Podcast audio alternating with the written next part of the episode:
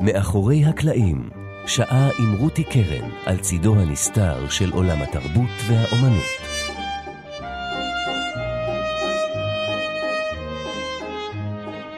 אפשר לומר שכולנו בתנועה עוד טרם נולדנו, ומאז יצור חי בכל רגע הוא יצור נע. אפשר לומר גם שתנועה כמחול, כריקוד, מתקיימת אלפי שנים, משחר האנושות, והיא חלק מטקסי פולחן בשבטים קדמונים. לכאורה איפה זו אומנות ששורשיה לא רק עתיקים מאוד, אלא שזורים בעצם הקיום האנושי, ובכל זאת, היום נדמה שאולי יותר מכל אומנות אחרת שמוצגת לקהל, היא נותרת בלתי נגיעה, אניגמטית משהו, רחוקה, והעוסקים בה נכנים בעינינו ביכולות על-טבעיות כמעט. אולי משום שהגוף עצמו הופך לאומנות, שהביצוע והתוצר האומנותי חד הם, בגוף שיכולותיו ומגבלותיו כמו נעלמות לחלוטין. רקדן הופך על הבמה למושא נשגב כמעט. והנה, יושבים לצידי כאן שלושה רקדנים יוצרים, כך בפשטות כאחד האדם, ואם הם לא יפתיעו אותי ויקומו לרגע לרקוד באולפן, לפחות לשעה הקרובה יהיה אפשר להאמין באשליה הזאת שאין בינינו הבדל. ואולי באמת אה, ההבדל קטן משחושבים. לגוף יש מגבלות, הרקדן הוא יצור אנושי עם קושי וכאב ותשוקות ואכזבות. אז שלום לרננה רז, לאורן לאור ולניב שיינפלד, ברוכים הבאים לתוכנית מאחורי הקלעים. אני רותי קרן, עורכת ומגישה, ושלושתכם לא רק רקדנים, אלא יוצרים קוריאוגרפים עצמאיים ועטורי פרסים רבים שקצר הזמן מלמנות את כולם.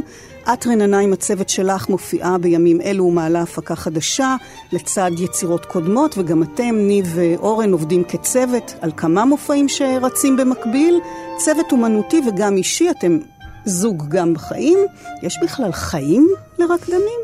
באמת אני חושבת שהחיבור הזה של תנועה, הרבה פעמים, בעיקר כשמדברים על מחול אומנותי, הרבה פעמים שוכחים שהחיבור הוא דבר כל כך... אה, מיידי ומובן מאליו, הרבה יותר מלדבר למשל. אנחנו מתחילים לזוז הרבה לפני שאנחנו מתחילים לדבר. כן, יש חיים לרקדנים. להפך, אני חושבת שהיצירה ניזונה מהחיים. אם לא היו חיים, אז מן הסתם גם היצירה הייתה קמלה לתוכם. החיים הם תובעניים, אבל אני חושבת שכל דבר, אם אתה עושה אותו באהבה, בתשוקה, זה מקל על התובענות. אתה, יש לך איזשהו דלק שמניע אותך קדימה. האם יש חיים? החיים והאומנות הם אה, כבר כל כך הם, אה, שזורים זה בזה, שכבר אין כמעט הפרדה. אנחנו לפעמים חושבים על רעיון בשלוש בלילה, ולפעמים כותבים עוד מיילים בשעות בלתי הגיוניות, ורגע אחר אנחנו לוקחים פוס מהכל והולכים לסרט בקולנוע לב. אין ממש את ההפרדה. אצלנו זה כל הזמן מעורבב ביחד. אני חושב שיש גם דרך אחרת, אבל להסתכל על מחול, חוץ מאשר הרקדנים הבלתי מושגים האלה, כמו שאת אמרת, שזו נישה מאוד חזקה בתוך תחום המחול, יש ג'אנרים גם בתוך זה. ואנחנו למשל אוהבים גופות פחות מושלמים. אנחנו אוהבים את הרקדנים היותר מבוגרים, אנחנו כבר בני 45 ו-46, וכבר לא יכולים לעשות את כל מה שיכולנו בגיל 20, אנחנו אוהבים את זה, זה אנושי. זה בעצם היצירה, אני חושב. החיים, המפגש הזה בין הפנטזיה שמדמיינים את היצירה לבין המציאות, לבין החיים שלנו, המפגש הזה הוא מייצר את האומנות או את היצירה. אז אולי נתחיל באמת מן הכביכול מובן מאליו, הגוף, בניגוד לכלי נגינה או חומרי ציור ופיסול, מחזה או תסריט שהם חיצוניים לאומן, הכלי שעליו אתם מנגנים ואיתו אתם מציירים ומשחקים, הוא אתם עצמכם, הגוף שלכם. מה זה אומר מבחינת הרגשה כשאין מרווח בינכם לבין האומנות שלכם? וואו, זה... זו שאלה מאוד מעניינת, אני חושב שזה החומר. הגוף שלנו הוא החומר של היצירה, וההיסטוריה שלו, ומה שהוא מכיל בתוכו, הזיכרונות, והדברים שהם לא בהכרח אפילו, אה, שאפשר לספר אותם בסיפור. אלא הגוף עצמו מכיל את הסיפור ואת ההיסטוריה שלו ואת החוויות האלה שמתורגמות לאיזשהו אה, אספקט אומנותי, בימתי, יצירתי. צייר, כשהוא לוקח את הפלטה שלו לקנבס, אז הוא עושה איזשהו experiment עם צבע על קנבס. ופה הגוף שלנו הוא גם הצבע וגם הקנבס. זאת אומרת, זה גם זירת הפעולה וגם החומר עצמו. זה בעייתי בהרבה מובנים, זה מתגמל בהרבה מובנים, יש רגעים שאתה יורד מהבמה ואתה אומר, אני זוכר שאני אמרתי, וואו, אני רוצה לרקוד כל החיים. זה משחרר כל מיני דברים חיים, אני חושב, למוח, ואתה פשוט יורד משם באיזה התרוממות רוח בלתי רגילה. מצד שני, מרגישים, אה, את יודעת, אז הברכיים חורקות כבר, והגב כבר בגיל 40 וזה כבר לא מה שהיה. את מתחילה להרגיש את הגוף יותר, הגוף מאותת לך שהוא לא אותו דבר שהוא היה לפני כמה וכמה שנים. והדבר הבעייתי הנוסף הוא שכשאתה יוצר, הרבה פעמים דברים מרגישים לך נורא טוב, ואוי, זה בטח נורא יפה, אבל אם אתה הקלטת את עצמך בווידאו, וראית מה עשית, זה... נראה הרבה פחות טוב ממה שזה הרגיש. ואז בעצם המתח הזה, או הפער הזה בין איך שהדברים מרגישים לבין איך שהם נראים מבחוץ, כי אתה גם יוצר וגם מבצע בחלק מהמקרים, מייצר איזושהי בעיה שצריך להתמודד איתה. לכן הרבה פעמים יותר נוח לחלק מהכוריאוגרפים פשוט לא לרקוד בעבודות שלהם, לקחת רקדנים אחרים, ואז יכול לשלוט בזה יותר, להגיד זה נראה יותר טוב, זה נראה פחות טוב, בוא נחקור את הכיוון הזה, בוא נלך מהכיוון ההוא. בתור יוצר ומבצע, יש קושי, אבל אני מניח שבכל עבודה יש קושי. אני התחלתי לרקוד בגיל חמש. אז אני מרגישה שהחיבור הזה בין הגוף לבין מה שאני עושה, אני לא מכירה משהו אחר. אז מבחינתי זה חיבור שהוא מאוד מאוד טבעי, ולהפך, לפעמים אפילו נדמה לי שזה מוזר לא לעבור את החיים דרך המסננת הזאת. אני מרגישה שהחיבור הזה לגוף מעניק לי תובנות והבנות ותפיסה של המציאות ואנשים אחרים בצורה בלתי אמצעית, שלפעמים אני אפילו לא, לא מתעכבת על זה. אני פשוט, אני יכולה לצאת מפגישה. ופתאום להבין שמשהו בשפת גוף של מי שהיה לידי תקשר איתי באיזושהי צורה מסוימת, וזה לא שבחנתי את שפת הגוף שלו, אלא פשוט זה עוד ערוץ שהוא כל הזמן נוכח שם ו- וואו, ופתוח. מעניין. אז uh, אני יכולה להגיד שבתור... Uh, עכשיו אני חושבת על איך אני זזה פה. אמ, אני מאוד מזדהה עם מה שאורן אמר לגבי גיל. אני מרגישה שבעיקר לרקדנים, כשמתקרבים לשנות ה-40, ועוברים אותם, אתה מבין את השינוי שחל בגוף. אתה פשוט מרגיש את זה בצורה מאוד מאוד uh, דומיננטית. אתה אולי יותר מודע לגוף? אמ, אני חושבת ששינוי זה דבר שהוא קורה כל הזמן בגוף. ככל שאתה יותר מחובר לגוף, אתה יותר ער לשינוי הזה ולניואנסים שלו. מהבחינה הזאת, אני רוצה להגיד שבתור אישה במחול, שחוותה כבר אה, שני הריונות ושתי לידות, אני מרגישה שהשינוי הזה הוא גם מאוד מאוד משמעותי בתוך המקצוע שבחרתי לעצמי. כי הריון זה אולי התהליך שמביא איתו הכי הרבה טרנספורמציה שיכול לקרות לגוף האנושי, ומהבחינה הזאת אמ, אני מאוד אמ, מרגישה שזה קשר שאני כל הזמן בוחנת אותו, ואני מבינה פתאום את ההקשרים הפוליטיים שקיימים בהיריון ובלידה, דברים שאולי אם לא הייתי כל כך מחוברת לגוף שלי, זה פחות היה, הייתי מתעכבת על זה. אמרת שהתחלת לרקוד בגיל חמש, אז אני באמת רוצה לחזור איתכם לבחירה, לילדות, לרצון לרקוד כילדה ואחר כך כתלמידה בבית הספר לאומנויות תלמה ילין, ומהיכרות אישית שלי עם בית הספר הזה, אני יודעת שהמחולניקים, כמו שקוראים לכם, פשוט חיים כמעט כל היום באולמות הריקוד בבית הספר, מהבוקר עד הלילה, באימון אינסופי, יותר מהמוזיקאים אפילו. אז מה מניע את הרצון הזה של ילדה, ילד, לעסוק במחול כמקצוע? איזו תשוקה גרעינית ישנה שם, מעבר לזה שילדות אה, נשלחות באופן אוטומטי לשיעורי בלט. אני ממש בחרתי בזה, אני ביקשתי מאמא שלי שתרשום אותי לחוג בלט. אני זוכרת את הרגע, זה זיכרון שיש לי מגיל מאוד מוקדם, כי הייתי לדעתי בת שלוש וחצי. באתי לקחת את אחותי הגדולה מחוג לבלט, ואני ממש זוכרת את הרגע שהצצתי כאילו לתוך הסטודיו, ואני פשוט, זה הדהים אותי מה שקורה שם. כל הדבר הזה, כל הקונסטלציה של המוזיקה והרצפה, וזה שגופות זזים שם, ופשוט אמרתי לאמא שלי, אני רוצה שתרשמי אותי לחוג הזה. והייתי קטנה מדי, אז המורה אמרה שאני צריכה לחכות, וזה פשוט היה ציפייה מורטת עצבים. זה משהו שאני נורא רציתי. אז אני יכולה להגיד שבשנות התיכון, בתלמה ילין, זה היה מאוד ברור שאם אתה רוצה להשתפר, ואם יש לך יעדים שאת רוצה להגיע אליהם, זה נורא ברור המשוואה של את צריכה פשוט לבלות זמן בסטודיו. זה היה החיים שלי, אלו היו החיים שלי. כן. ניב? אני בתור ילד אה, שגדל בקיבוץ, ריקוד היה משהו של בנות כמובן, ורקדתי בדיסקו בימי שישי. הייתי רוקד שעות בלי לדבר עם אף אחד, ופשוט רוקד איזה ארבע שעות ברצף, וזה היה הפורקן שלי של החיים בעצם, זה היה מפלט. ובכיתה י"א, אה, חברה טובה שהיא רקדנית, וגם עובדת איתנו היום, קרן לוי, לקחה אותי לגעתון, ליהודית ארנון, זיכרונה לברכה, ונכנסתי אליה למשרד, והיא ישבה איתי.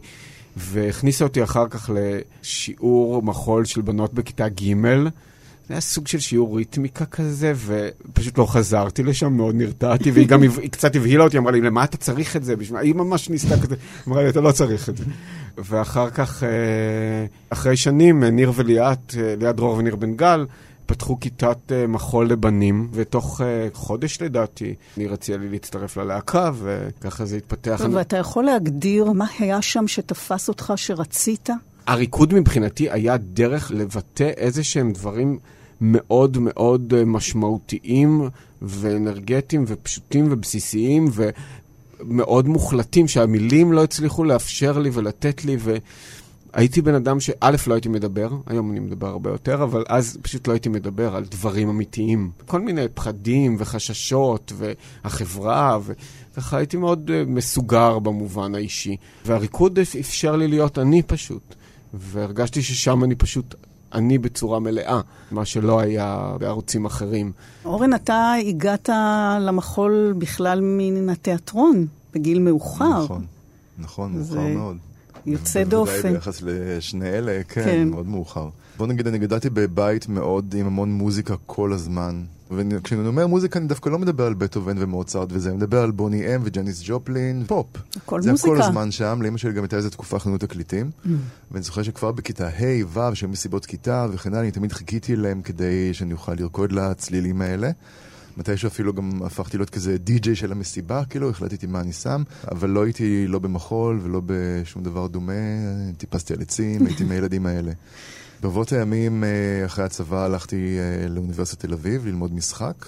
שם היה לנו, יש המון שיעורי תנועה ומחול במהלך הלימודים האלה. רינה שחם, זיכרונה לברכה, לימדה אותי, והיא אמרה לי, אתה רקדנית מבוזבז. ככה עם המבטא האמריקאי הזה שלה.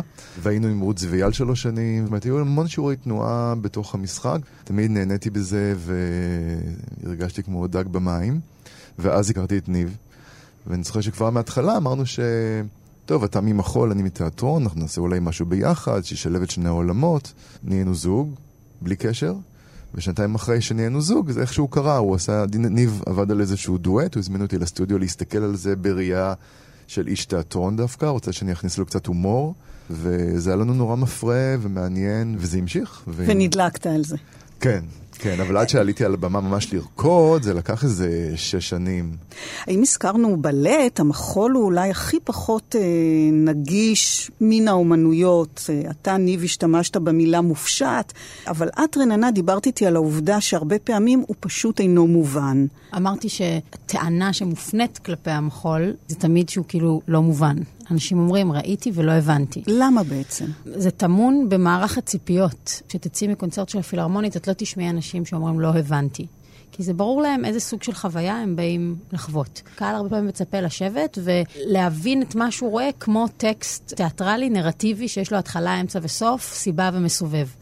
והיופי במחול זה שהוא מתקשר באותם כלים, אבל הוא... אני תמיד אומרת שאני מרגישה ש... גם ביצירות שהן תיאטרון מחול, זאת אומרת שהפן הזה נוכח, זה תמיד כמו מין אה, מטוס שמתחיל להמריא ואז עוזב את מסלול ההמראה. זאת אומרת, יש תמיד ציר מקביל שהוא נע, שזה יכול להיות ציר תיאטרלי, סיפורי, אבל יש איזשהו שלב שהמטוס עוזב והוא...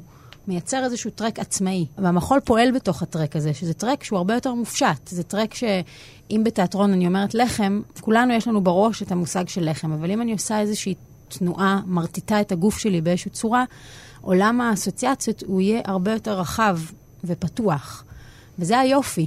אני חושבת שקהל הרבה פעמים צריך להבין שזאת סוג החוויה שהוא לא צריך לשבת שם ולהבין, הוא צריך לשבת ולחוות. ולהפך, יש לנו אפילו את הרצפטורים הנכונים במוח, כשאנחנו רואים תנועה, היא מהדהדת בתוכנו ברמה מאוד מאוד אה, משמעותית. אנחנו פשוט צריכים לזנוח את המחשבה הזאת שאנחנו אמורים להבין, או שאמורה להיות איזושהי מסקנה לכל הדבר הזה. אני חושבת שברגע שאנשים יניחו לזה, הם יגלו שהם סופגים הרבה יותר מהדבר הזה שקוראים לו מחול. ההסתכלות גם על תיאטרון וגם על מחול ובכלל על במה ועל אומנות קשורה לסוג של ראי. אנחנו מסתכלים על משהו ואנחנו מתרגמים את זה לגוף שלנו גם אם אנחנו לא חושבים על זה באותו רגע.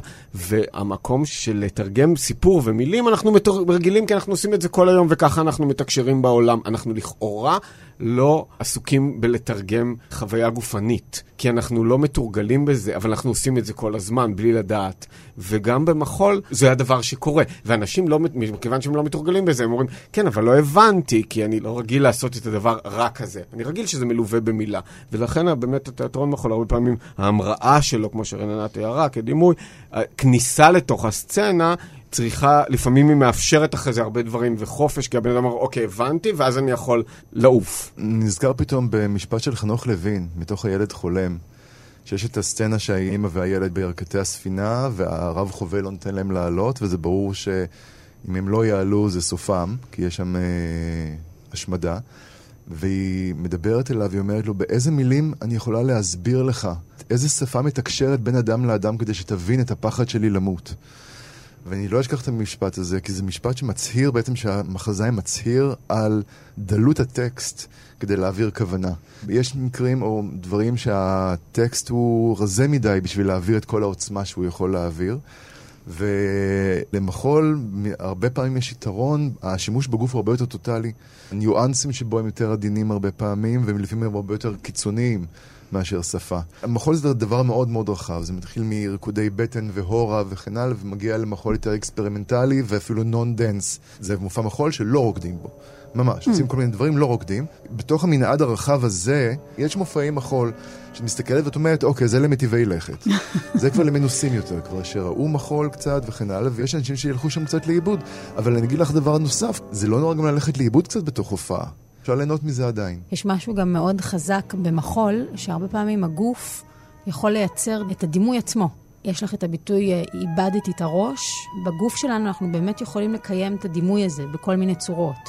מה שיפה במחול זה כשהדימוי הזה באמת קורה באופן מאוד מאוד ליטרלי בתוך הגוף, באופן הכי פיזי שלו, הוא הופך באיזשהו אופן להיות מטאפיזי. הוא הופך להיות מטאפורי כבר.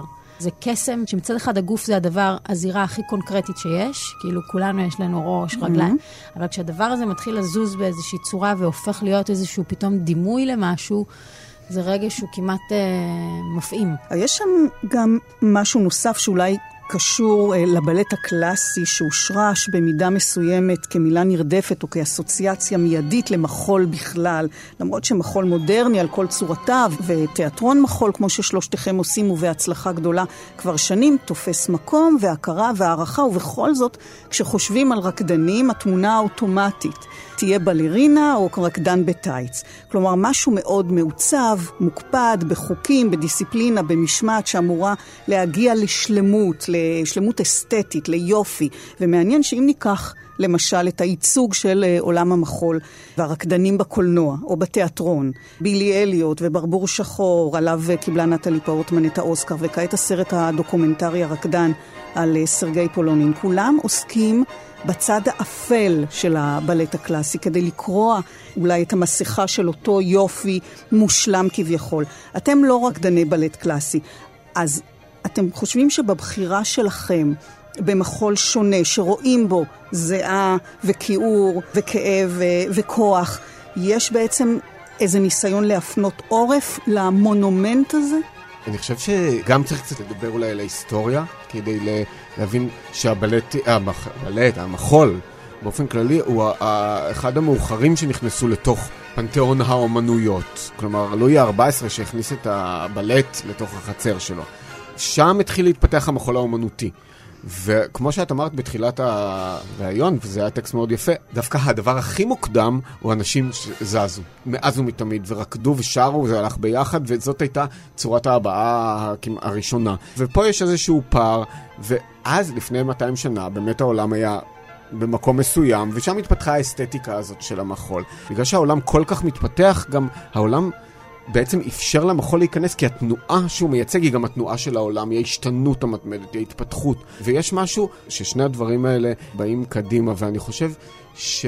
ההסתרה של המחול הקלאסי, את הכאב ואת זה, קשורה לזה שרצו בעצם לחלום. ויש משהו בזה שמאפשר להגיד, רגע, אנחנו גם אנשים, אנחנו כאן ועכשיו, דווקא לחפש את הקונקרטי ואת המשקל ואת הגוף ואת הזיעה, ולא להסתיר את זה שהרקדן יוצא החוצה ומאחורי הקלעים, לפעמים אתה נמצא מאחורי הקלעים בהופעה של בלט קלאסי, וזה מרתק מה שקורה מאחורי הקלעים. נו, ספר, זה העניין פה. כי הרקדן קופץ ועושה שיטה ומסתובב מי ישמע, ואז יוצא מאחורי הקלעים ומתעלף ונושם ונמרח על, על יד הקיר ושותה איזה מים, וחוזר לבמה מחייך ולא קרה כלום. ואנחנו אוהבים לחשוף את המכניזם הזה, את הזיעה שניגרת, את הקושי, העבודה.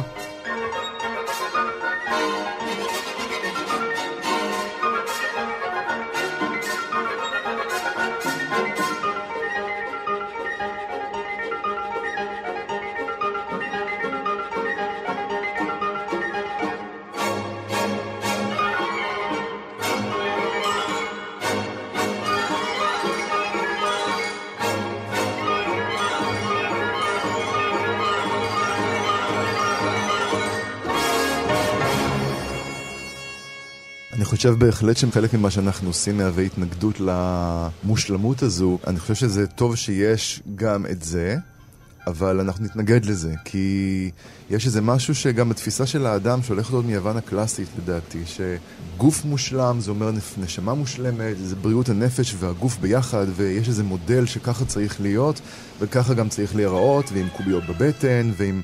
אנחנו כל הזמן חיים בתוך מודלים, ואנחנו אוהבים לערער על המודלים האלה, כי החיים אף פעם לא בתוך המודלים. דיברת קודם על הכיעור, הייתי אומר, הכיעור כיופי. לראות את האנושיות כהדבר היפה, ובתוך האנושיות יש גם כיעור, ויש גם זיעה, ויש גם בטן שהיא כבר עם איזה חצי כפל כזה קטן בצד, ולא תמיד סיקס פק.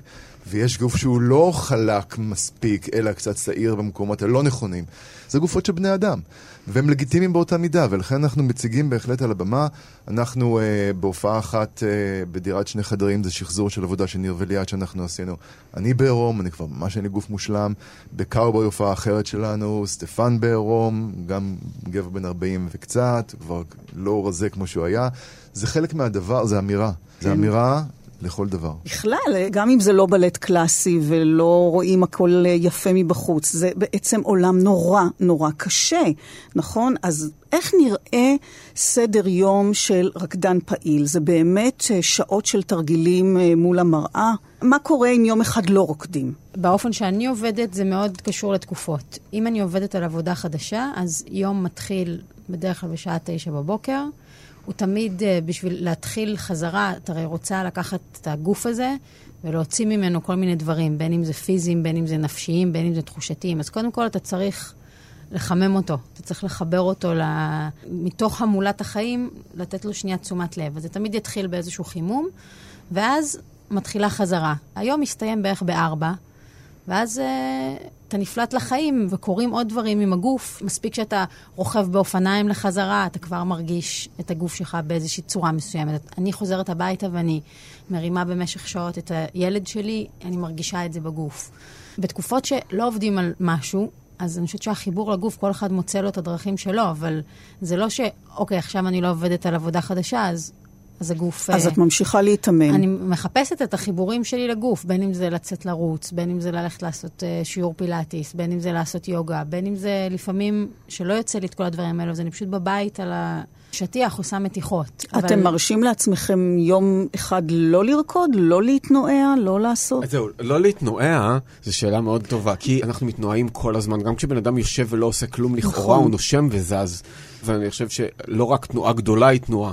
כן, אבל אני מדברת על אימונים, ממש, זאת אומרת... תראי, המצב האידיאלי, אם היה לי יכולת לבוא, והיה לי סטודיו, וכל יום הייתי יכול שש שעות בכיף בסטודיו, שבע שעות, לשבת, לעשות שיעור, חזרה, זה פריבילגיה. אנחנו נוודים, אנחנו עוברים לפעמים פעמיים ביום סטודיו, אנחנו שוכרים סטודיו, אנחנו משלמים לפי שעה. אנחנו גם משווקים, ואנחנו גם עושים PR, ואנחנו גם uh, מפיקים, ומנהלים, ופסיכולוגים הרבה פעמים, הרבה מאוד שעות פסיכולוגים, ובאמת, זה אינסופי, כמות הכובעים שאנחנו מחליפים היא מטורפת, ואנחנו uh, גם אנשים שחיים, ואנחנו בני זוג, ו- וחלקנו הורים, ולהיות רקדן, מבחינתי זה הכל. החיים מורכבים מכל זה, וכל זה זה גם כוריאוגרפיה. אני לפעמים אוהב להסתכל על צמתים.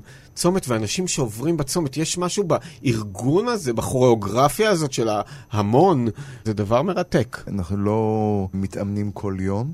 להפך, זה הכרחי לתת לגוף גם לנוח. זה חלק מהמערכת של, אתה עושה איזה משהו אינטנסיבי סופר במשך חמש שעות בחזרה מסוימת. לפעמים אנחנו מרגישים שאם אנחנו, תהיה לנו יום אחרי זה חזרה, או נעשה משהו עם הגוף, זה יהיה מוות. כן, צריך לתת לו גם קצת להתאושש. אני שאלתי אתכם קודם אם יש חיים, האם העיסוק האינטנסיבי והאובססיבי הזה, אפילו בגוף שלך, בעצמך, לא יוצר איזה ניתוק? ניכור, זרות אל מה שמעבר לו, אל המציאות, אל ההוויה האחרת, אל אנשים מעבר אליכם? אנחנו כל הזמן עם uh, זרועות החוצה. בלהסתכל איך אנשים עובדים, איך אנשים מתנהגים, איך אנשים מביעים רגשות, תהליכים חברתיים שקורים מסביבנו, חברתיים, פוליטיים וכן הלאה. כי זה כל הזמן צריך להיות רלוונטי. וגם להיות כל הזמן באיזה give and take עם העולם זה הכרחי לחלוטין. אני חושב שזה הכובע שלנו כיוצרים, פחות כרקדנים, זה כן להישאר כל הזמן עם איזה מבט החוצה. ולקיים עם זה דיאלוג ודיון.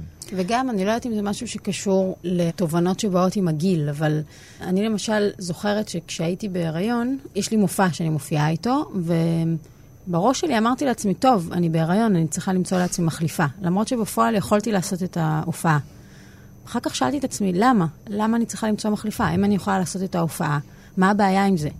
והבנתי שבעצם אני כמעט כקהל לא רואה ייצוג של גוף הריוני רוקד על במה, אלא אם כן עושים מזה איזה עניין. ואני לא רציתי לעשות עניין, אלא פשוט יש פה מישהי שהיא בהיריון, שיכולה לעשות את ה... באופן הזה אני מרגישה שהיחס שלנו לגוף, גם הדימוי הזה של רקדן שנכנס לסטודיו ומשייף את ה... אנחנו לא מחזיקים את הדבר הזה, להפך, אני מרגישה שעם השנים, מבחינתי, להיות רקדנית זה לקבל את עצמי במלאות של זה ולהבין שאני רקדנית כי זה מי שאני. אז הרקדנית שלי יכולה גם יום אחד לא לרקוד, הרקדנית שלי יכולה יום אחד להיות עם בטן של הריון, הרקדנית שלי יכולה יום אחד לעלות על במה גם חודשיים אחרי שהיא ילדה, ולא להיות במיטבי מבחינה של איך שה... אני יודעת איך שהגוף שלי, אבל גם לא לנסות למחוק את הדבר הזה. או לדלג עליו, אלא להגיד, זה המצב של הגוף שלי ברגע הזה, ובגלל שאני בן אדם שעובד עם הגוף שלו, ככה הגוף שלי נראה בזמן הזה. אני חושב שהצרכים של האימון של רקדן היום השתנו. אם יבוא בן אדם שכל מה שהוא יודע זה לעמוד ליד הבר או אה, לבוא ולעשות קומבינציות של ריקוד כאלה ואחרות, זה לא יספיק. כוריאוגרפים בכלל היום עובדים גם בלהקות רפרטואריות. עובדים עם רקדנים שיודעים ליצור ושיודעים לאבד חומרים באופן אה, מורכב, ומסלולים להכשרת רקדנים בעולם גם בארץ מנסים להכניס את זה. הכשרה של רקדנים היא לא רק פיזית. מה קורה עם כאב? כאב פיזי, עם נשימה, אותו. עם סחרחורת. מה קורה עם עייפות? פשוט עייפות. אוי, כמות הדברים שאנחנו uh, התעלמנו מקיומם ועלינו לבמה איתם. ניב עלה עם קרסול לפני ניתוח, פעם בעבודה שלו, uh, זה אני עליתי גם עם uh, לסת מנופחת מעניין של שיניים וגם עם ברך uh, באיזה... אנחנו עולים ועושים הכל. זאת אומרת, אנחנו עולים ומופיעים גוססים, אה, עייפים, לא, אני ביטלתי הופעה פעם אחת בחיים, עברתי אה, שלושה אירועים מוחיים, השלישי הפיל אותי, וזה היה חצי שעה לפני הופעה, זה היה בברזיל, נשארתי חודש מאושפז בבית חולים. לרקוד זה לא בהכרח תמיד הדבר, אתה מחויב, זה עולם קפיטליסטי, אתה מחויב להופעה, מכרת כרטיסים, יש בזה הרבה קונפליקטים ודילמות. אבל ההחלמה למשל שהייתה לי מהאירוע המוחי הזה, הייתה כל כך מהירה, יחסית, כלומר, שלחו אותי לבית לוינשטיין ופיזיותרפיה וזה, ואני פשוט חזרתי ללמד, בהתחלה בדיבור הרבה, הבנתי הרבה דברים על ההוראה גם כמובן, אבל פשוט מבחינתי, לחזור לסטודיו היה האימון הכי טוב והשיקום הכי מוצלח. אבל אם הזכרתי עייפות, הבנתי שלפעמים דווקא מהמקום הזה, הפסיבי, הנכנע, האנושי, שנוגד אולי את הגוף כמשהו שתמיד יכול, נולדת יצירה. היינו בחזרות אה, לקראת ספינת השוטים, זו עבודה שעשינו בפסטיבל ישראל לפני שש שנים בערך. ובמהלך החזרות קורה הרבה שאנחנו נותנים אימפרוביזציה פתוחה, זאת אומרת מתחילים עם איזה רעיון, עם איזה הגדרה, ואז נכנסים לטריפ של שעה, שעה וחצי, שהרקדנים עושים מה שבא להם, על בסיס כמה דברים קיימים, אבל בעיקרון מאלתרים. אימפרוביזציה כל כך ארוכה תמיד עוברת כל מיני משברים בדרך. אז בהתחלה זה היותר show off כזה, כולם רוצים להראות את היכולות שלהם, אחרי זה זה נרגע, גם יש איזו התשה טבעית, ויש איזה דרופ, פתאום מתחיל להיות משעמם קצת, וזה הכל הכרחי, מתוך mm. שעמום יוצאת יצירה. עכשיו, היה שם איזה רגע שאימפרוביזציה הלכה למקום קצת... משעמם וכבר נסחב יותר מדי, ואנחנו אמרנו, טוב, בוא נפעיל את זה משהו מבחוץ. לחצנו פליי במוזיקה על בילי ג'ין של מייקל ג'קסון, וממש כמו הפניקס שקם מהאפר, כאילו פתאום שלושה מייקל ג'קסונים צמחו לנו שם, זה שני בנים ובת. ומסתבר שכולם בנעוריהם רקדו מייקל ג'קסון מול הראי. עשו moonwalk וכל מיני... זה היה פשוט משגע לראות את זה, נכנס בסוף להופעה, עם בילי ג'ין. כן. נכנס, יש איזה טוויסט בסוף, זה מקבל בסוף איזה טוויסט, אבל זה נכנס כמו שזה, ככה. כן, טוב, זה, זה סוג מוזיקה שאני חושבת שכל אחד, גם שהוא לא רקדן, אם אני שומעת את זה באוטו, אז אני איכשהו מתחילה על המושב וגם כן אה, לרקוד איכשהו. אי אפשר שלא. זה דבר מעניין מה שאת אומרת, כי אחד מהדברים שאנחנו שמים לב באמת, ובילי ג'ין זה דוגמה כזו, בבילי ג'ין אנחנו לא רוקדים בתוך ההופעה, אנחנו תמיד מבחוץ מפעילים אותה. אנחנו מסתכלים על הקהל, ואת רואה שבילי ג'ין מתחיל, כולם עם הרגליים מתחילים לתת קצב, או עם הרגליים או עם הידיים, ואז את מבינה שא', את הקשר בין מוזיקה לבין גוף, זה בעצם מה שזה עושה לנו. ואת רואה שבעצם כולם רקדנים. אם אני עושה ככה עם הרגל, או טיפה ככה עם הגב, זה ריקוד. נניח. נזכיר למאזינים, היום מאחורי הקלעים כאן בכאן תרבות, עם הרקדנים רננה רז, ניב שיינפלד ואורן לאור, אני רותי קרן.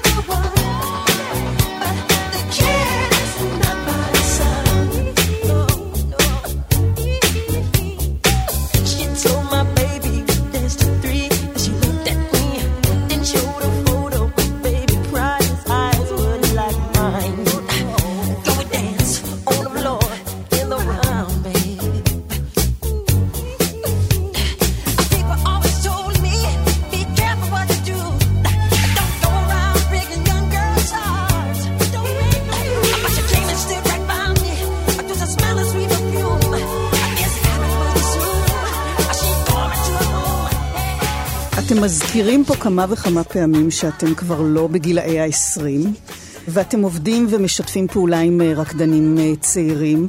יש קנאה? איך מתמודדים עם...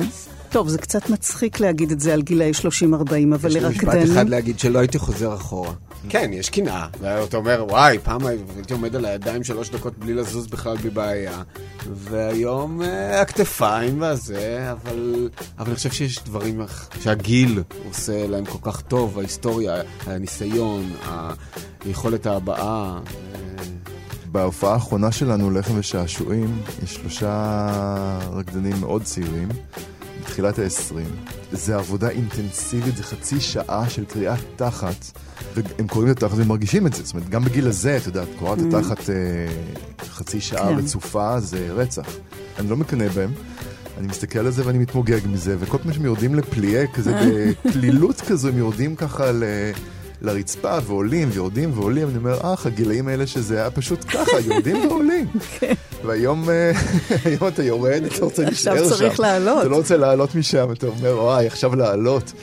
אבל זה לא, לא קנאה במובן העמוק כן. שלה, כי את רואה, הם נורא צעירים. ואת ההיסטוריה שמביאים רקדנים מבוגרים יותר עדיין אין להם. מה לגבי תחרות? שוב, בבלט הקלאסי יש את הפרימה בלרינה, עם כל הסיפורים סביב העניין הזה, שבמחול שאתם יוצרים אולי פחות קיים, יש יותר עבודת צוות, אז אילו יחסים מתקיימים בתוך הצוות ואיך זה משפיע על היצירה? ההשפעה של זה היא דרמטית. זאת אומרת, אני כמעט יכולה להגיד שכל יצירה שיצרתי, הושפעה מהאנשים שעבדתי איתם בסטודיו. היית מחליפה את האנשים, הייתה יוצאת יצירה mm. אחרת. אני יכולה לבוא עם איזשהו רעיון, או להניח איזשהו גריד שבתוכו עובדים, אבל בסופו של דבר אני אעשה את הבחירות, אבל התוכן שנזרק לתוך הדבר הזה הוא לחלוטין תלוי האנשים שעובדים. בגלל זה זה מאוד חשוב מי האנשים שאתה בוחר. אני לוקחת לעצמי הרבה זמן מחשבה כשאני חושבת על איזשהו עולם שאני רוצה ליצור, או איזשהו...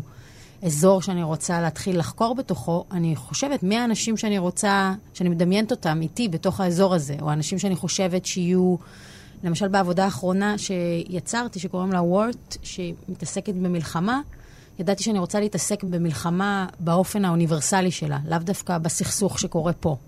ואחת הרקדניות שלי, שקוראים לה אוליביה קורט מסה, יש לה פרספקטיבה חיצונית. היא לא נולדה בארץ, היא נולדה בצ'ילה, אחר כך היא עברה לגרמניה, והיא חיה פה כבר שבע שנים, אבל לחלוטין התודעה שלה זו תודעה של זה משהו שהיה לי מאוד חשוב, שיהיה איזון, גם מישהו שהוא לא מחובר ויונק מהמציאות הישראלית ומהתודעה המלחמתית שלה מגיל אפס. וזה, וזה באמת משהו שהביא משהו מאוד מעניין לתוך העבודה. במקרה שלכם, ניב ואורן, מדובר בקרבה גם בחיים. זה נכנס לתוך היצירה?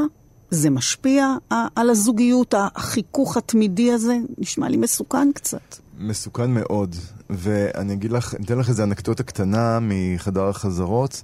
עבודה שהעלינו לפני חמש שנים ועוד רצה דירת שני חדרים, במקור, זאת אומרת, זה מתבססת על עבודה ישנה של ניר בן גל וליאת דרור. עשינו לה אה, רימייק שונה. זה גבר ואישה במקור, כן? אז ניר שם את ה, איזה מעיל כזה על הרצפה ומזמין את ליאת לעמוד על המעיל, ואז היא עומדת על המעיל והוא לוקח את המעיל מהר והיא נופלת. זאת אומרת, סוג של I tricked you. עכשיו, בהתחלה, כשבתהליך השחזור של העבודה הזו, אנחנו לא ידענו אם אנחנו נעשה את זה אחד לאחד בדיוק כמו שהם עשו, שנשנה את זה קומפליטלי, או משהו בין לבין, אז עשינו גם את זה. אז אני שמתי את המעיל, ועפתי את ניב מהרגליים. עכשיו, את מפעילה אלימות כלפי הבן זוג שלך. עם אצטלה של זה להופעה, וזה בימתי, וזה חדר חזרות, וזה לא באמת, וזה לא כעס אמיתי, והכל דבר... אבל פיזית, מה שאת עושה, זה בדיוק הדבר הזה בין הפיזיות לא משקרת, כאילו, הרבה יותר קשה לשקר. את מעיפה את הבן זוג שלך לרצפה. אז התנגדתי לסצנה הזו בכל מאודי, אנחנו בסוף לא כללנו אותה. אנחנו שינינו שם כמה וכמה דברים בעבודה הזו, זה אחד מהם, הורדנו את מפלס האלימות, כי הבנו שהאלימות שאנחנו עושים בסטודיו מחלחלת. Mm. את רואה שזה מחלחל פנימה, כי כן. אתה נוגע לא נעים. אתה נותן אה, לא ליטוף, אלא איזה מכה, אתה מרגיש את זה, זה בתוך החיים שלך. אז זהו, זה מה שאני מדברת, שבאמת רקדנים הם אה, במגע, מגע פיזי מאוד מאוד אינטימי, גם חיכוך. וגם קרבה. יש בסטודיו אינטימיות, וזו אינטימיות שהיא חשובה והיא חלק מהעניין. זה העסקת חבילה. זה מזכיר לי איזושהי סצנה באחת העבודות שלי, שזה היה מין טריו עם שני בנים, שבאמת כאילו הם הפעילו עליי אלימות. ובסופו של דבר, זה לא משנה שידעתי שזאת הקוריאוגרפיה והם צריכים לעשות לי את זה. אני הייתי יורדת מהבמה והיה בי זעם שרציתי פשוט להרביץ להם, בגלל שהם עשו לי... זאת אומרת, לפעמים הגוף... מגיב או משדר משהו שהוא לא בסינק עם המוח. המוח יודע שזה על במה, אבל הגוף יש לו את ה... זה חלק מהעסקת חבילה, וזה בסדר, כן. זה... זה בריא. מה קורה בתהליך? איך נרקם רעיון למחול? כלומר, שוב, מוזיקאי עובד עם תווים, השחקן יש לו טקסט, נתון, מחזה. איך מתרגמים רעיון, סיפור, ונראה לי שכולכם נכנסים יותר לעומק של תכנים שרוצים להגיד משהו, או אפילו להתריס, כמו למשל היצירה שלך, רננה, השימוע שהגיבה ועדיין לתהליכים חברתיים, פוליטיים שמתרחשים כאן. זה לא סיפור אגדה על מלכת השלג. מחול לא רק כהמחשה אסתטית של סיפור, אלא כמשהו שאמור לעורר בצופה תגובה רגשית עמוקה, טלטלה אפילו. איך זה נבנה בעצם? זאת שאלה מצוינת, וזאת שאלה... היא גם מאוד פשוטה וגם מאוד מורכבת. אני חושב שאין סוף לאופציות. ולאפשרויות שיש לך כיוצר לבוא ולהתייחס לדברים. השאלה כמה אתה רוצה לגעת במקומות קונקרטיים או לא. אנחנו שוב מאוד ניזונים מאנשים שאנחנו עובדים איתם באמת, גם בתכנים. למשל, עבדנו עם אנשים, אה, עם רקדנים שהם לא ישראלים במקור, וחלקם נאלצו לעזוב את הארץ באמצע התהליך, כי הם אה, או נפרדו מבן זוג, בת זוג שלהם, או אה, סיימו את חמש השנים השהייה בארץ, והדבר הזה נכנס לקאובוי, לעבודה שלנו, שבה הרקדן הזר שבא ומשקיע פה את נשמתו ונמצא פה כבר 17 שנה, עדיין אין לו תעודת זהות כחולה, יש לו פה בת ובת זוג, ודרך זה הוא נמצא פה, אבל הוא לא יכול עדיין להיות פה אה, כאחד האזרחים. זה לב העבודה של קאובוי. מבחינתנו, קשור ל...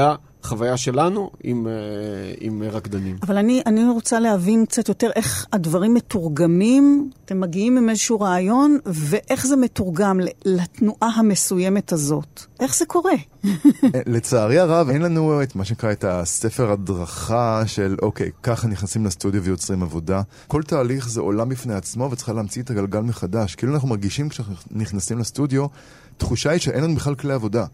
זאת אומרת, וואו, אנחנו נכנסים כאילו מאפס. עכשיו, זה לא מדויק, יש לנו כלים, אבל התחושה היא כאילו, אלוהים יודע מה יהיה פה עכשיו. עכשיו, זה הרבה מאוד בעזרת uh, כל מיני תרגילים וכל מיני הצעות דרך אימפרוביזציות. כן, אני חושב שאנחנו צריכים להיות בעולם שהוא כל הזמן מגורה.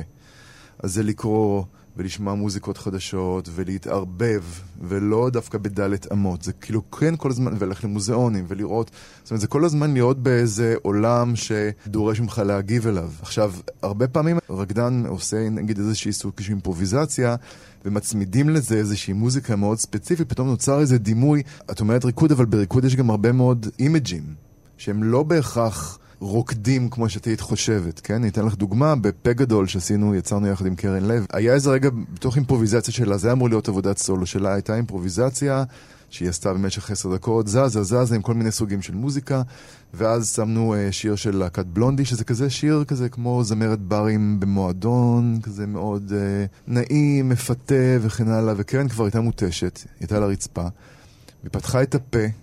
פתחה פה ענק, ממש החזיקה אותו במשך שתיים וחצי דקות, היא תורממה, וכל השיר המועדונים הזה, היא הייתה פשוט עם פה פעור, ממש כמו בובת מין, שמתחו לה את הפה לכל הכיוונים, ונגמר השיר, זה נרגע.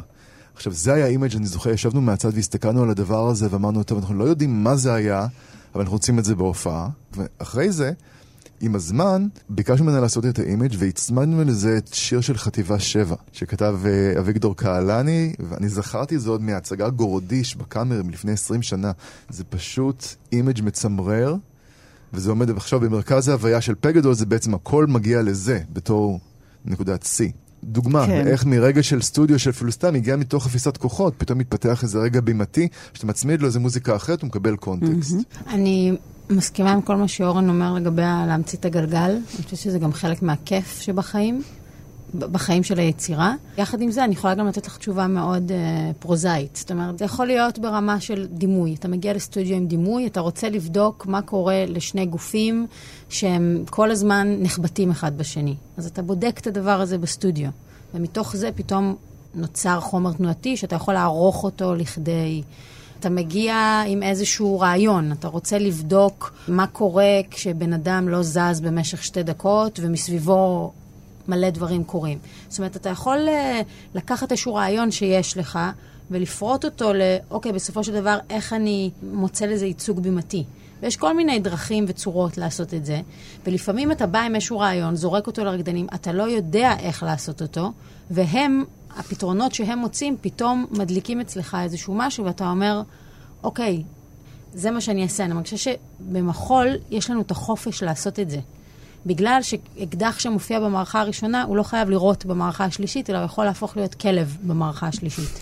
ובאופן הזה אנחנו לא מחויבים ל... יש המון המון חופש שיכול ללכת להמון המון מקומות לא צפויים. בעצם אתם מדברים כולכם על להתחיל לנוע, ואז מתוך זה נראה מה קורה. והזכרתם את קובוי, ואתם מדברים על דימויים. אני מבינה שהיצירה הזו היא תולדה של אה, חוויה רגשית אה, שמלווה אותך, אורן, אה, שנים רבות, ושחיפשתם דרך להתמודד עם הדימוי הזה ושברו, ובכלל עם כל הנושא של גבריות, בעיקר במחול.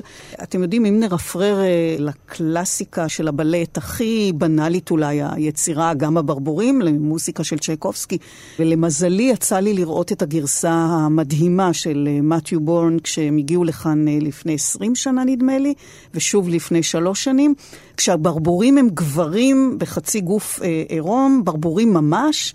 שזה עוף, אגב, מאוד אלים, בכלל לא כמו רקדניות בטוטו, אלא מאוד יצרי, מאוד כוחני, עם הרבה משמעויות uh, פסיכואנליטיות. ויש משהו מחשב, תסלחי לי רננה, בגברים רוקדים. דווקא הכוח ולא העדינות השברירית. ואת יודעת מה, אולי בסוג uh, המחול שאת יוצרת, ואולי המחול המודרני אפשר את השבירה הזאת, שגם רקדניות מעבירות כוח ופיזיות. ללא הריחוף הזה. אני חושבת שבכלל נשיות וגבריות בעיניי הם לא עניין של ג'נדר.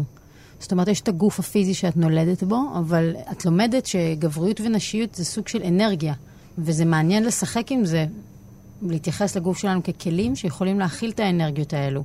הייתה לי עבודה שקראו לה קזוארות, והיא בעצם התחילה מממש חלום שהיה לי, התעוררתי יום אחד בבוקר וחלמתי, ראיתי דימוי של בנות שרוקדות דבקה. וזה דימוי שנורא הפעיל אותי, והתחלתי לחשוב מה בדימוי הזה כל כך uh, מפעיל אותי, והבנתי שזה בעצם הקונפליקט הזה, הפער הזה בין גוף נשי שאמור להיות נורא עדין ורך וענוג, בין האנרגיה של הדבקה, שהיא אנרגיה מאוד מאוד ארצית, מאוד מאוד זכרית. וכשעבדתי על זה, אז כשהייתי מספרת על מה אני עובדת, אז היו אומרים לי, אה, את עושה עבודה על נשיות. ואמרתי, לא, איכסה, אני לא עושה עבודה על נשיות. כי מבחינתי, כאילו, עבודה על נשיות זה עבודה על הירח ועל מחזור ועל... וכאילו פתאום אמרתי, רגע, אני כן עושה עבודה על נשיות, אבל נשיות זה לא התבניות האלו שאת תיארת, שגברים הם פראיים וזה, ונשים הן ענוגות. אה, זה, זה סוגים של אנרגיה.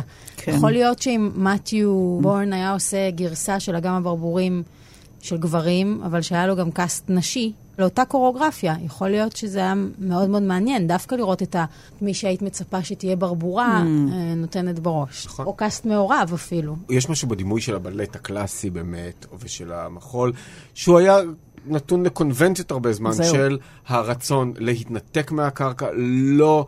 להיכנע לגרביטציה, לנסות לנצח את הגרביטציה, אבל אני חושב שיש אופנים אחרים להראות את זה. אני רוצה לבדוק את הגרביטציה והמשקל של הגוף, אני רוצה לבדוק את האיכות והמרקם של הגוף, אני רוצה לבדוק אולי אה, באמת את המגדר, אולי דברים אחרים. כלומר, לא לייצר את אותו דימוי כל הזמן. אבל ביצירה הזו אני הבנתי שאתם חיפשתם דווקא את הפגיעות ואת החולשה ואת הטיפשות אפילו. כן, בקאובוי אנחנו הלכנו על... אה, אנחנו עושים מה שבא לנו.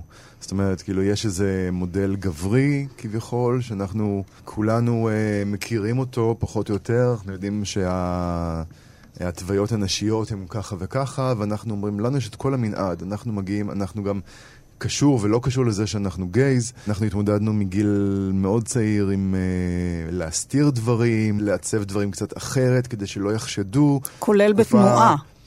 גם בתנועה. נכון. כן, כן, כן, כל העניין הזה משתקף הרבה הרבה בתנועות. יש תנועה שהיא יותר נשית, ואז כן. פתאום, את יודעת, כן, כן, כן, לגמרי, זו הייתה תקופה, א', זו הייתה תקופה בכל זאת אחרת, והתנועת גוף הייתה צריכה להיות טיפה שונה. כדי שלא להיות נשי, אפילו בלי קשר להומואים, אבל כאילו שלא להיות נשיים. ולמרות שהיום אנחנו כמובן גייז שחיים בצורה הכי פתוחה שיכולה להיות, וגם הסביבה יחסית יותר מקבלת, עדיין חלק מה-DNA שלנו זה להילחם על ה... אני אעשה איך שאני רוצה את מה שאני רוצה. ואני אעשה את זה דווקא נשי ודווקא קווירי ועל נעלי עקב. ועם... שזה uh, נותן יציבה אחרת לגמרי? יציבה אחרת לגמרי, זה פשוט דבר נורא יפה. אני אומר, כאילו, למה, למה זה לא... זה כל כך מבאס שזה כביכול פריט נשי, זה נורא יפה נעלי עקב. זה לא נורא נוח, לא נוח. לא נוח בטירוף. אתה יכול לקחת. אבל אני, אני, רננה, אני בקאובוי, לובש אותו, מתענג עליו, כל קאובוי בסוף, חמש דקות של חיקוי קייט בוש. קאובוי בעקבים. לי יש תיאוריה על עקבים. תמיד כשאני הולכת על עקבים, אני מרגישה שאני לא מתקדמת לשום מקום. וזה לדעתי פשוט כלי שגבר המציא לאישה, כדי שהיא באמת לא תגיע למקומות, שהיא פשוט לא... שהיא תהיה באשליה שהיא זזה, אבל בעצם היא לא מתקדמת לשום מקום. אני בעד לתת לגברים לשים נעלי עקב. אני בעד, אני מאוד אוהב. שאולי הם לא יתחילו, בדיוק, שגם הם לא יגיעו לשום מקום. תשמעי, אז לקראת קאובוי, אני זוכר, היינו בניו יורק, לקראת קאובוי, קניתי נעלי עקב, באמת, על עקב מאוד גבוה. ואמרתי, טוב, אי אפשר שרק אני אתהלך בדירה שני צעדים וזהו, צריך לנסות את זה ממש, וזה גם ניו יורק, אז בכלל לא פדיחות שאני אראה פתאום את ה... לא יודע מי. אז בקיצור, ירדתי מהבית, הלכנו לאיזה לסופר. חנות, לסופר, הלכנו לסופר, זה היה מרחק של חמישה בלוקים בניו יורק. אז הלכתי על העקבים האלה, נגיד כבר באמצע הדרך לחנות, לסופר, התחלתי להרגיש ככה בצד, בליד הזרת את הלחץ. אחרי זה כבר בסופר אמרתי, אוקיי, זה פחות פשוט ממה שחשבתי. בדרך חזרה... הוא חזר הביתה יחף, to make a long story short. רגע, רגע, היה איזה רגע שאמרתי, התיישבתי, מזל שזה לא היה חורף. התיישבתי שם על איזה חתיכת זה, ואני אמרתי, אני לא יכול עוד צעד אחד לעשות עם העקבים האלה. עכשיו, לא לקחתי נעל ספייר למקרה ש... פשוט הורדתי אותם, הלכתי איתם ביד, ויחף עד הבית. זה היה עינוי, אבל זה כל כך יפה. שלושתכם רקדנים ויוצרים מאוד עסוקים כל העת במין אה, יצירה מתמדת. הזכרת את זה קודם, שאתה לא רוצה להגיע לשם, אבל מה קורה באמת אם יש שעמום או אי חשק? שיש חשק לחופש. לא רוצים לרקוד. קודם כל זה קורה. לי זה קרה הייתה לי תקופה מאוד uh, משמעותית בדיעבד, זו תקופה שמאוד השפיעה על היצירה שלי, כי פשוט ממש שעמם לי, ברמה שאמרתי לעצמי, אני לא ממשיכה להעביר את החיים שלי באופן הזה. זה או שמשהו צריך להשתנות, או שפשוט אני אחליף מקצוע. כי לעשות את הדבר הזה שהוא כל כך מחייב ותובעני, כשאתה לא באמת, אה, לא באמת מעניין לך, אין שום סיבה. אני פשוט מאז חושבת שתקופות שמשעמם לך זה תקופות שמבשרות על, על איזשהו שינוי. ואם אתה בן אדם מספיק פתוח וסקרן, אז אתה מקשיב לתקופות האלו ונעזר בהם בשביל לעבור לשלב הבא ביצירה שלך. אני אצטט את uh, חזי לסקלי מאיזה שיר, וזה לא יהיה ציטוט נורא מדויק, כי אני לא זוכר אותו, אבל הש... המשפט שאני זוכר זה, השעמום מוליד יופי, כמו שבצל מוליד ריח רע. תראי, יש הבדל בין uh, מה שרננה תיארה, בין uh, ליצור עם מצב של שעמום לבין לרקוד. זאת אומרת, כאילו לרקוד, אתה אומר, אוקיי, אז היום אני באנרגיות מופחתות, אני עדיין אעשה את הכוריאוגרפיה, כי זו הכוריאוגרפיה, אבל uh, לא באמביציה של דברים שאין לך. צריך להיות מה שאתה באותו יום. כשאתה יוצר ומשעמם, אני מכיר את המקומות האלה שרננה תיארה, אז הם על גבול המשבריים, כי אתה אומר לעצמך, אוקיי, לא תבוא לו יותר השראה כנראה לעולם, אני לא אוכל יותר ליצור, או אם אני אצור, אז מה אני אצור בעצם? כאילו, מתוך מה? זה חייב להיות, זה משהו שממלא אותך ואתה חייב להוציא אותו, לפוצץ אותו. להוציא אותו החוצה, זה אנרגיה כזו. ואז צריך, באיזשהו מקום, זה גם חלק ממשהו שבא עם הגיל, זה להשלים עם זה שזה בסדר שיש תקופות כאלה, לתת לזה לנוח. כלומר, יש משהו בלהרפות, בלשחרר, בלתת לדבר להיות, גם לשעמום, וגם לתסכול, וגם ל... אוקיי, אין לי כרגע השראה. אז אני מקווה שזה לא ימשך הרבה זמן, אבל פשוט לא להילחץ מזה, לתת לזה להיות. ואז זה פתאום קורה. אתם מדברים על תסכול ועל גיל, ואמרנו שהגוף אה, מן הסתם לא נעשה צעיר יותר. זקנה, חוסר יכולת לרקוד, אתם מהרהרים בזה בכלל? יש משהו מאוד חכם באיך שהחיים בנויים, שאין לך פשוט יכולת להבין מה הולך לקרות איתך עד שזה קורה. את שאלת אותנו אם, אם יש לנו קנאה. אני זוכרת את עצמי בגיל 20, שהייתי פוגשת רקדנים יותר מבוגרים, שהיו אומרים לי, טוב, את לא יודעת מה זה, את תתחילי להרגיש את הגוף. אני בכלל לא הבנתי את זה. זה נכנס מפה ויצא מהצד השני. וכשזה קורה לך, אז אתה מבין. המחשבה שאני לא אוכל לזוז, היא מחשבה שאני מבינה אותה פה, אבל אני לחלוטין אין לי יכולת להכיל אותה, וזה בסדר. אני חושבת שאם הייתי עסוקה בזה כל הזמן, זה היה נורא משתק אותי. יש משהו מאוד אכזרי בזה שפסנתרן יכול לנגן עד גיל 80, ורקדן, נכון. זה ברור שאנחנו לא נוכל לעשות את מה ש... אבל אני חושבת שאנחנו גם, גודל פה דור שהיחס שלו לגוף והעניין האומנותי בגוף, שהוא לא גוף שפשוט עסוק בלבצע, אלא הוא מכיל בתוכו את כל הדבר הזה, ויכול להיות שהתחילו להיות פה יצירות לגופות שהם מבוגרים יותר, ולכן הם יפים יותר. לא יותר, פשוט יפים בדרכם. כן, נכון. כן. אני חושב שהגיל הוא, הוא גם יופי מסוים, והוא מכיל, שוב, דיברנו על היסטוריה ועל שנים, וזה דבר יפה, לאו דווקא הגוף הווירטואוזי והצעיר והגמיש והחזק והקופץ וה... בסדר, הוא גוף מסוים, אבל... ויש נטייה במחול, בלהקות רפרטוארית, אתה רואה רקדנים עד גיל 35. רקדנים בגיל 40 לראות בלהקות זה ממש נדיר. ואני מרגיש באמת שיש מה לתת. הרבה פעמים אני רואה רקדנים צעירים ואני מרגיש קצת מופע סוף שנה, כי אני של איזה מתנס, כי בסדר, אז הם יכולים לעשות ככה או אחרת, יותר אה, מדויק, פחות מדויק, יצירה יותר טובה או פחות טובה, אבל לפעמים חסר לי לראות את ההיסטוריה, תגיד, בתיאטרון רואים את זה הרבה יותר. גם יש אה, כל כך הרבה דוגמאות לאנשים מבוגרים. פינה באוש עשתה עבודה שלמה, קונטקט הוף, עם אנשים שהם כולם מעל 65. יש אנה הלפרין בארצות הברית, שהיא בת 90 ומשהו, היא כל שנה מעלה פרימיירה והיא רוקדת, לא רקדנים אחרים, היא רוקדת. דבורה ברטונוב לימדה אותי באוניברסיטה, נתנה לי שיעור בגיל 80 או משהו כזה, רקדה לנו. רקדה, נכון. עכשיו, הדבר הנכון הוא, להרגשתי, הוא לא לנסות להיות בן 80 שרוקד כאילו בן 25, אלא... ליצור עבודות שהן... זה חלק כן. מהיופי, זאת אומרת, כאילו לראות מה הגוף הזה יכול ומה הוא לא יכול, ויש דברים שהוא לא יכול, אין ספק, ולא לנסות לכסות על זה, אלא לקבל את זה, לאהוב את זה, ולראות את היכולות שלו בגיל הזה הספציפי. ולעזוב את זה, זה חולף לפעמים בראש, די, מספיק. לא יכולים יותר. לא, אני חושבת שבגיל שאנחנו נמצאים ובוותק שיש לנו, זה כבר לא משהו שאתה... זה פשוט, א', זה חלק כל כך שזור בחיים שלנו, בנשמה שלנו, ב... אני מדברת בשמכם, אבל אה, גם אה, אפילו מבחינה פרקטית, כאילו, מה, אז מה כן, מה, זה לא שאנחנו כן. כל השנים האלו התמקצענו והצטיינו בזה. זה לא שאנחנו יכולים עכשיו ללכת ופתאום נורא נדלק על ראיית חשבון, או על עריכת דין, כאילו... בתפיסה שלי אנחנו כל הזמן רוקדים. כל הזמן. החיים שלנו הם... אנחנו עכשיו ישבנו פה שעה ומשהו, והייתה פה כוריאוגרפיה של שלושה אנשים שיושבים מול מישהי ו... ומנהלים איזושהי שיחה. זאת כוריאוגרפיה כי כל אחד זז גם בדרכו. כלומר, אם היינו מנסים לשחזר עכשיו את התנועתיות של כל אחד מאיתנו, הייתה פה, היה פה איזה ריקוד, היה אפשר לפתח את זה, היה אולי אפשר לפתח את זה בחלל גם, אבל ריקוד הוא תנועה, ותנועה קיימת כל הזמן, כל עוד הבן אדם חי, ויש תנועה כל הזמן בעולם. זה מחול מבחינתי, תנועה.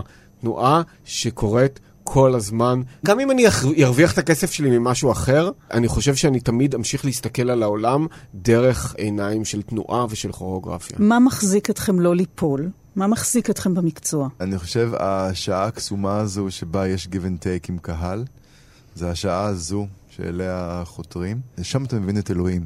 אם יש דבר כזה, זה שם. וזה מה שמחזיק אותך, ל... זה מתדלק להרבה זמן. זה פריבילגיה. אני מרגישה שעם כל הקושי שיש במקצוע הזה, זו זכות מאוד מאוד גדולה לקום בבוקר ולעשות משהו שאנחנו אוהבים לעשות. היכולת להתבונן על החיים, לשזור את היצירה בתוך החיים שלנו, זה משהו שהוא כל כך לא מובן מאליו. והרבה פעמים מספיק כאילו שנייה גם בתוך הקושי לבעוט את עצמך, להסתכל על עצמך מבחוץ ולהגיד, איך אומרים, אשראי?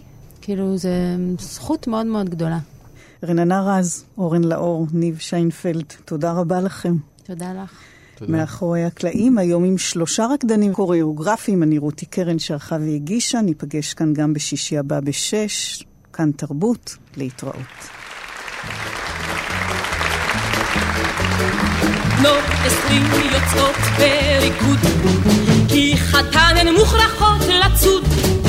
מי שלא תצוד בבוא זמנה, תישאר לרווקה זקנה. שנות העשרים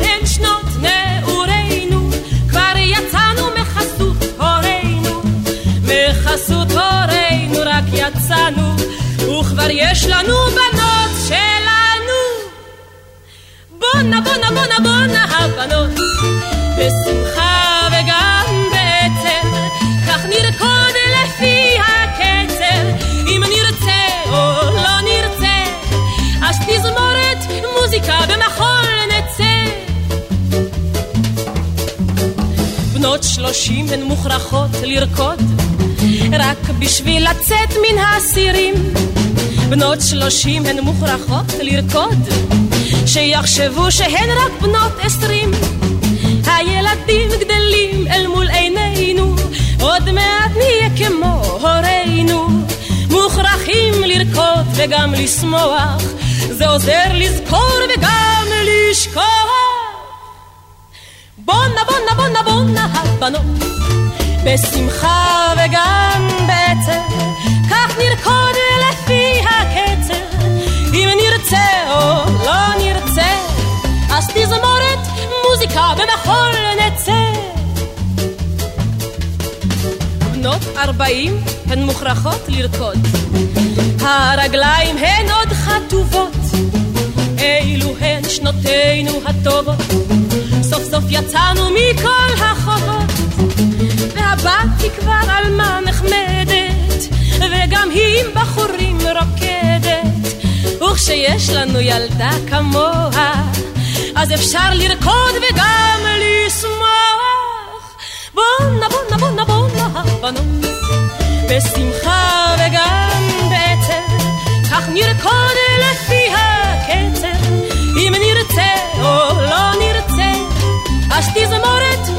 מוזיקה במחול נצא.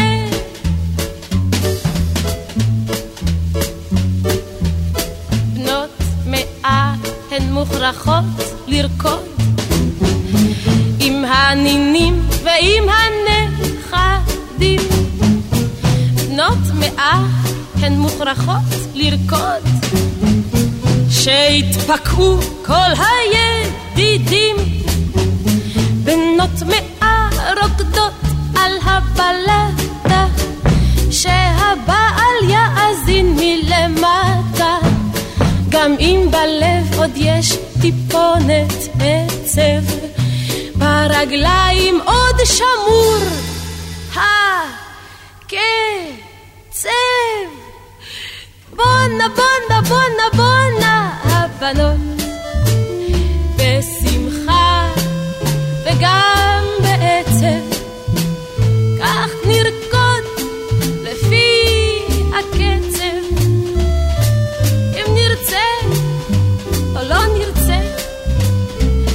תזמורת, מוזיקה במחול נצא. בונה בונה בונה בונה הבנות, בשמחה